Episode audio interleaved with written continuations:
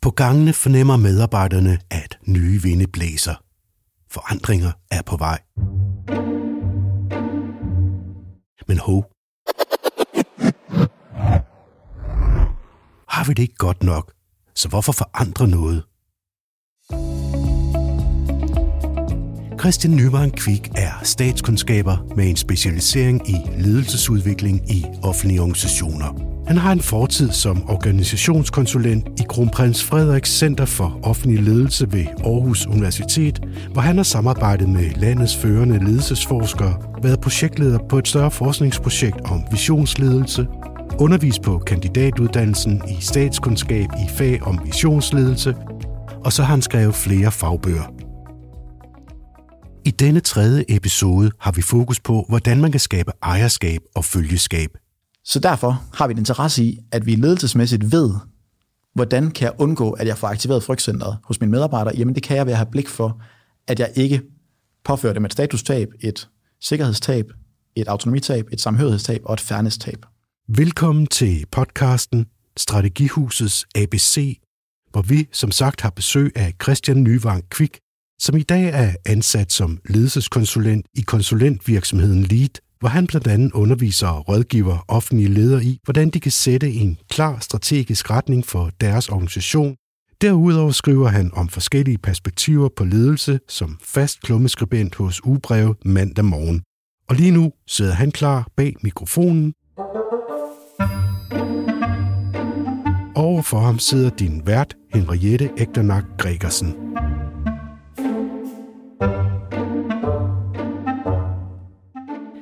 Christian, du sagde jo tidligere, at øh, når man i gang sætter sådan en strategiproces, så kan man næsten være helt sikker på, at man kommer til at møde noget modstand eller friktion, kaldte du det.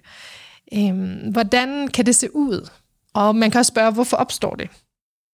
Det kan jo se ud på rigtig, rigtig mange forskellige måder, alt efter hvad det er, vi skal lykkes med at, at implementere, og alt efter hvor kraftig modstanden den måtte være i vores, øh, i vores organisation. Så øh, hvis vi sådan skulle prøve at, at gå lidt med, vi kender jo alle sammen de der fortællinger om, at så er der kommet et, et nyt IT-system, og så synes halvdelen af vores organisation, at det er der godt nok noget bra, så vi kunne lige godt bruge det, vi allerede har, eller, eller det kan være svært at få tilført en mening til, hvorfor det nu er det, vi skal til at arbejde med. Noget andet, det kunne være fusioner af arbejdspladser, eller, eller den slags. De der sådan større forandringer, der rammer os i vores dagligdag. Hvis vi skal prøve at se på, hvorfor det så er, at vi har modstanden eh, imod forandringer, så kan vi i virkeligheden angribe det spørgsmål fra rigtig mange forskellige vinkler af hvis vi sådan starter ud med en vinkel, der hedder, øh, at nu kigger vi ned i den psykologiske litteratur, den, i den kognitive psykologi, og, øh, og noget af det, vi kan, kan uddrage derfra øh, i forhold til forskning i, i psykologiske biases, så er der i hvert fald øh, sådan to biases, jeg lige kommer til at tænke på nu, når vi, når vi sidder og taler sammen her. Det ene det, der hedder status, øh, status quo bias, som beskriver sådan menneskers tendens til at have den her sådan lidt irrationelle præference for at fastholde tingene sådan, som de er nu, og ikke ændre på noget som helst. Så hvis man sådan har en medarbejder, hvor man har hørt vedkommende sige, jamen, jeg vil bare gerne blive ved med at gøre sådan, som vi plejer at gøre, så kan man godt være ret sikker på, at det er nok en medarbejder, øh, eller leder for den sags skyld, der på den ene eller anden måde er ramt af status quo bias. Så det kunne for eksempel være, altså typisk ser vi det gør sig gældende, fordi vi egentlig ønsker bare at bibeholde det, vi nogle gange har. Det er altid nemmere at forholde sig til det, til det man har, end, end til en uvis fremtid, hvor man ikke ved, hvad der venter. Og det er egentlig det, der er på spil her, øh, når status quo bias udfolder sig selv i en situation, hvor vi kunne sige, jamen det, der venter, det er vi faktisk ret sikre på, at det er bedre end det, vi har, så kan status quo bias stadigvæk være på spil en gang imellem. Den anden øh, bias, jeg kommer til at tænke på, det er det, der hedder ejerskabseffekten, eller, eller på engelsk øh, endowment-effekt, øh, som beskriver den her tendens, mennesker kan have til at holde virkelig kraftigt fast i nogle ting, som, som de ejer, eller som de har ansvar for, Øh, eller som de på anden vis føler en eller anden form for, for tilknytning til. Så det der sådan kunne være, at vi skulle prøve sådan at sætte et udsagn på, hvad, hvordan kunne man lytte sig frem i sin organisation til, til nogen, der er ramt af ejerskabseffekten, men så kunne det være nogle af dem, der siger, jeg har det bare virkelig svært med at skulle give afkald på det her. Det vil typisk være at et af de udsagn, vi kunne høre der. Så her kunne man forestille sig, at det kunne være øh, den administrative ansatte, som siger, at hun har faktisk været, øh, været det faglige fyrtårn øh, i forhold til den måde, man for eksempel anvender et journaliseringssystem på. Eller det er altid hende, der har været eksperten, de andre de er gået til eksempelvis. Det kan også være, at hun har været i den styregruppe, der for 6, 7 eller 8 eller 10 år siden besluttede, at det var det her journaliseringssystem, vi skulle have, og nu er hun bare den alle går til, hvor hun har lidt en ekspertstatus der. Det kunne være enormt svært for hende at skulle af med, med det, dels fordi hun har et ejer, skabsforhold til det, øh, fordi hun har været med til at beslutte, at det skulle implementeres i sin tid, men måske også fordi hun undervejs har følt en stolthed i, at det var hende, der var, var go-to-personen her for, for de øvrige. Det kunne være to bud på, hvorfor, hvis vi, hvis vi kigger ned i den psykologiske biasforskning. Hvis vi så kigger ned i sådan den neurologiske forskning, så, øh, så er der en model, jeg synes, der er rigtig, rigtig spændende, som, øh, som der er en forsker, der hedder David Rock, som, øh, som står bag. Han, han kalder den her model for, for SCARF-modellen, og det synes jeg i virkeligheden er, er rigtig, rigtig fint, fordi det gør, at man sådan hele tiden kan huske, hvad det er, modellen egentlig handler om. Han taler om, at, at medarbejderes reaktion på et eller andet givet forandringstiltag, for eksempel at vi skal implementere et nyt IT-system, eller at nu skal vi fusionere to afdelinger, eller hvad det nu måtte være, medarbejdernes reaktion på et forandringstiltag, om de oplever det som, hvad skal man sige, noget positivt eller noget negativt, det handler grundlæggende om, jamen, oplever jeg egentlig, øh, at fem konkrete psykologiske behov, de bliver tilfredsstillet, eller de derimod bliver, bliver kompromitteret. Og de fem behov, han så taler om her, det er de fem behov, der afspejler de fem bogstaver i SCARF. Så på engelsk så taler vi om det første behov, status, status. C'et, det står for certainty, altså sikkerhed. A'et, det står for autonomy, autonomi. Øh, R'et står for relatedness, det vi på dansk kunne kalde for samhørighed. Og til sidst, så står F'et for fairness, øh, som vi kunne kalde for retfærdighed på dansk. Og hvis vi skal prøve at gå lidt ned i, i de her fem konkrete behov her, så kan man sige, der er alt muligt god grund til, at vi helst ikke skal have, have de her behov påvirket negativt. For noget af det, ham her David Rock han har påvist med, med hans forskning, det er, jamen når vi oplever, at de her fem behov, de bliver påvirket negativt. Altså, vi oplever et statustab, et retfærdighedstab, et autonomitab, eller hvad det nu kunne være. Så opleves det som en, øh, en trussel. Han har simpelthen påvist, at, øh, at amygdala, vores, øh, det kender de fleste af lytterne her nok øh, til, når, øh, når det bliver aktiveret, jamen så har det nogle ret negative konsekvenser. Det begrænser vores evne til kompleks opgaveløsning. Det øger risikoen for, at vi, vi, vi begår fejl, og i det hele taget, så, så det medfører det bare, at vi egentlig ikke lykkes lige så godt med de præstationer og resultater, vi gerne skal, skal skabe i dagligdagen, som vi ellers plejer. Derfor vil vi for alt i verden gerne undgå det og aktivere frygtcentret. Så derfor har vi en interesse i, at vi ledelsesmæssigt ved, hvordan kan jeg undgå, at jeg får aktiveret frygtcentret hos mine medarbejdere? Jamen det kan jeg ved at have blik for, at jeg ikke påfører dem et statustab, et sikkerhedstab, et autonomitab, et samhørighedstab og et fairness-tab. Så lad os prøve lige at kigge, i, hvad, øh, eller kigge på, hvad de her fem, her, øh, de fem behov er, de, de handler om, og hvad man kan gøre som leder for at, at undgå at påvirke dem negativt, eller måske ligefrem påvirke dem positivt. Det her statusbehov, det handler helt grundlæggende om, at vi vil gerne føle os vigtige relativt til andre. Så om man kan vi også sige, når vi oplever, at vi faktisk mister status, jamen så er det forbundet med, at, øh, at vi, vi siger, jamen jeg føler faktisk ikke, at jeg, jeg mestrer det nødvendige under en eller anden given forandring, eller jeg oplever en eller anden form for, for tab af goder. Så hvis vi siger, at jeg mestrer ikke det nødvendige under en forandring, så kan vi gå tilbage til det her eksempel med en administrativ ansat. Hun har tidligere været ekspertøn i forhold til det her journaliseringssystem. Nu bliver det kasseret, og vi får et andet, og pludselig så er hun fuldstændig grøn øh, og skal faktisk til at lære fuldstændig fra bunden, ligesom alle de andre. Det kan opleves som et status-tab for hende. Men vi kan også godt tale om et tab af goder. Nu er vi jo tilbage, øh, på vej tilbage efter, efter corona, øh, og, øh, og mange organisationer har jo pludselig sat den her dagsorden, der hedder, jamen det kan faktisk godt lade sig gøre, at vi kan arbejde hjemmefra øh, i højere grad, end hvad vi har gjort tidligere. Så kan vi måske også som organisation spare nogle, øh, nogle kroner i forhold til, at vi ikke skal bruge en masse udgifter på, på husleje.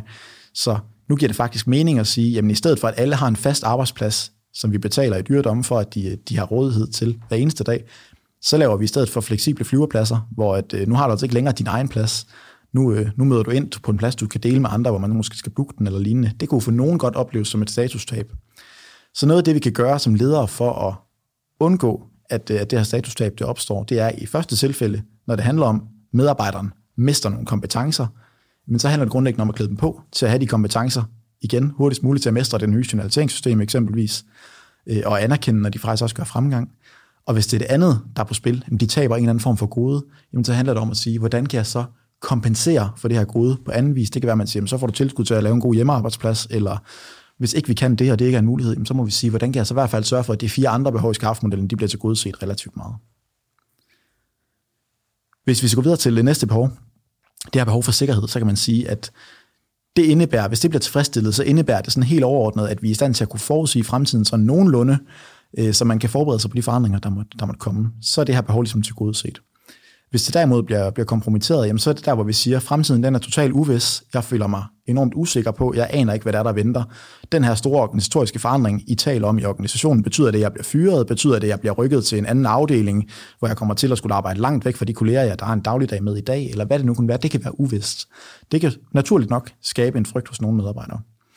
Så det vi kan gøre der, det er at, i hvert fald hvis, hvis det er en relativt positiv forandring, så kan vi forsøge at kommunikere en, øh, en vision for, hvor er det egentlig, vi skal hen, og forhåbentlig skabe noget begejstring og optimisme omkring at være med på den rejse sammen med resten af organisationen.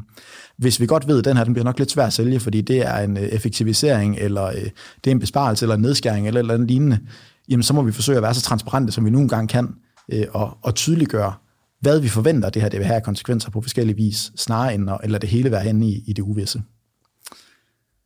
Behovet for autonomi, det handler helt grundlæggende om, jamen vi vil gerne sidde i førersædet i vores eget liv. Det betyder også, at, øh, at vi vil gerne have den her oplevelse af, at jeg har faktisk indflydelse på nogle af de forhold, der vedrører mig i min dagligdag. Og det gælder næsten også omvendt, til vi så kan sige, så hvornår er det så autonomibehovet det i hvert fald ikke er til godset? Jamen det er, når vi bliver detaljstyret som sådan nogle små øh, marionetdukker, eller, øh, eller vi i det hele taget siger, at jeg føler mig faktisk tvunget til, eller forført til at skulle udvise en eller anden bestemt adfærd øh, på den ene eller på den anden vis. Så noget af det, vi kan gøre som ledere her, det kunne være en hel masse forskellige ting. Hvis jeg bare lige sådan skal, skal tage et par nedslag, jamen så kunne det handle om dels at give valgmuligheder. At vi ikke bare siger, det er my way or the highway. At, øh, at vi får tydeliggjort, jamen der er både mulighed for, at vi kan i gang sætte den her indsats, eller den her indsats, eller den her indsats. Hvad synes du kunne være mest relevant? Øh, så give valgmuligheder vil være, vil være en. En anden, det kunne være, at vi siger, det er fint, at vi som ledere definerer opgavens hvad, altså hvad er slutresultatet, vi gerne skal nå frem til. Men hvordan vi når i mål, det må vi godt øh, lade, lade være lidt mere op til fri fortolkning hos vores medarbejdere. Eller sagt sådan lidt mere populært. Øh, vi kunne også, mange, mange af dem, der sidder og lytter med, har, har måske børn. Jamen altså, vi kan godt sige, at øh, vi har altså besluttet os for, at når vi skal på sommerferie til Paris, øh, så, er det, så er det slutdestinationen. Men om vi flyver derned, eller om vi tager toget, eller om vi kører i bil, det må I godt være med til øh, at bestemme og uden sammenligning mellem børn og forældre og ledere og medarbejdere i øvrigt, så er det sådan set bare for at illustrere den her pointe, der, her, der hedder, at det er fint at definere slutdestinationen, men rejsen dertil, den kan se ud på forskellige vis, og der må vi gerne tænke involvering for at understøtte det her autonomibehov. Behovet for samhørighed, det handler om, at vi vil gerne føle, at vi er en del af et fællesskab, et varmt arbejdsfællesskab forhåbentlig, hvor vi siger, at jeg føler faktisk, at jeg hører til her, jeg føler mig værdsat, jeg føler mig betydningsfuld i den organisation, jeg er en del af. Og det modsatte af det, jamen det er jo selvfølgelig, at man føler, jeg føler mig ligegyldig, jeg føler mig afvist, jeg føler mig isoleret, øh, og som en, der egentlig ikke hører til i fællesskabet her. Og det der med, i særdeleshed, når vi laver fusioner, eller hvis vi laver opsplitninger, eller det der, der handler om, at vi centraliserer eller decentraliserer, eller hvad vi nu gør i en organisation. Når vi arbejder med de organisatoriske strukturer, så kan det i særdeleshed være på spil det her. Forestil dig igen, at vi kan sidde i en situation med øh, nogen, der har siddet sammen på samme kontor i de sidste 10 år. De er måske ikke kun kolleger, de er faktisk også blevet private venner. De har traditioner og rutiner, der handler om, at kvart over otte hver morgen, der går vi ned og henter morgenkaffe sammen. Og man har, øh, har i det hele taget fået opbygget tæt øh, bånd, både fagligt, socialt og personligt. Der kan det jo være et enormt tab, hvis vi pludselig oplever, at der er en organisatorisk forandring, der medfører, at, øh, at det er slut nu. Så det vi kan gøre her, det er at udvise en oprigtig interesse i vores medarbejdere og sige, men hvad er det egentlig, du har behov for? Hvordan kan du føle, de her sociale behov stadigvæk bliver dækket på dit arbejde? Og hvis der simpelthen ikke er mulighed for i det her tilfælde at gøre andet, end vi bliver nødt til at skulle splitte op, jamen hvordan kan jeg så understøtte mine medarbejdere i, at de lynhurtigt får opbygget noget relationsdannelse og øh, noget netværk, og, og i det hele taget oplever, at om det så er via bodyordninger, eller mentorordninger, eller sociale arrangementer, eller hvad det kan være. Hvad kan jeg gøre for at understøtte, at de lynhurtigt føler sig som del af et varmt arbejdsfællesskab igen? Det vil være det, vi kunne gøre her.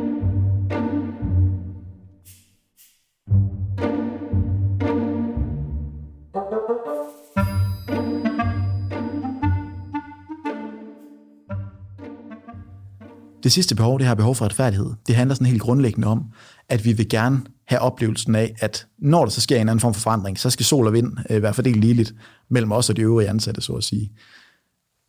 Og tilsvarende, jamen hvis vi oplever, at, øh, at det modsatte det gør sig gældende, så er det her, hvor vi siger, at jeg føler faktisk, at den her forandring, den har ramt mig ekstra hårdt øh, i sammenligning med nogle af de øvrige i organisationen. Det kan både være på et individniveau, det kan også være på et afdelingsniveau, at vi siger, der skal være besparelser. Vores afdeling, vi skal bespare en hel masse procenter, og vores to naboafdelinger bliver stort set ikke berørt overhovedet. Eller på et medarbejderniveau, at der er nogle goder, der bliver fordelt forskelligt. Det kan jo hurtigt give den her øh, oplevelse af, at sol og vind ikke er fordelt ligeligt. Så hvad kan vi så gøre som, som ledere der? Vi kan være transparente omkring, hvorfor har vi truffet de valg, vi nogle gange har. Der kan jo faktisk godt være nogle gode bevæggrunde til, at vi siger, at afdeling A skal spare meget mere end afdeling B og C, eller den her medarbejder får lov til at bibeholde egen kontorplads, men de øvrige medarbejdere får ikke lov til det. Det kunne være, at arbejdsopgavernes karakter taler for det, eller et eller andet lignende. Så at vi kan begrunde sagligt, hvorfor vi har truffet de beslutninger, vi har, det vil være det første. Og dernæst, hvis det er muligt, så må vi tydeliggøre over for vores medarbejdere, hvad kan du egentlig selv gøre for at udbedre den her oplevelse af uretfærdighed? Altså, hvad er det, du skal gøre, hvis du også skal gøre dig fortjent til at få din egen arbejdsplads, eksempelvis, eller arbejdsstation, hvis, hvis det måtte være det, det handler om. Så det vil være sådan de fem behov, vi har arbejdet med. Når det så er sagt, så sådan afrundingsvis, så kan man sige, det man skal huske helt overordnet, det er, at medarbejdere de er jo forskellige. Så for en medarbejder, så kan det alt afgørende, øh, det der virkelig kunne, kunne være helt forfærdeligt, det kunne være, hvis samhørighedsbehovet det bliver kompromitteret. Sådan en, en af de der meget sociale ansatte, som siger, at noget af det, man finder en kæmpe glæde i sit arbejdsliv, det er det sociale fællesskab med kollegerne jamen så tilpasser man selvfølgelig sin ledelse derefter til den medarbejder. Det kan også være, at man har en anden medarbejder, der siger, at det, der virkelig betyder noget for mig, det er, at jeg har noget albuerum og noget øh, metodefrihed i den måde, jeg løser opgaver på. Det er måske autonomibehovet, der er på spil der. Så er det det, vi må forsøge at lede med afsæt i. Så med andre ord, one size does not øh, fit all, i forhold til, som, som det er med så meget andet i, i forhold til, til ledelse. Så sørg for at afdække, hvad er det for nogle behov, der er udfordret hos den enkelte medarbejder, og så led med afsæt deri, så har du skabt dig selv et, øh, et godt fundament for at understøtte, at de forandringer, du skal have gennemført lokalt hos dig, faktisk også bliver gennemført på en måde, hvor du øh, bibeholder den opbakning, du også gerne skulle have undervejs fra dine ansatte. Nu har du jo nævnt øh, fem behov, men jeg kunne godt tænke mig, at du sådan ligesom prøver at give sådan tre råd, siger jeg den her gang, øh, til hvordan man forankrer de her forandringer. Hvad skulle det så være med udgangspunkt i det, du har fortalt, og det kan også være, du vil inddrage noget nyt? Det kommer godt nok meget an på, hvad, øh, hvad det er, vi gerne vil forankre.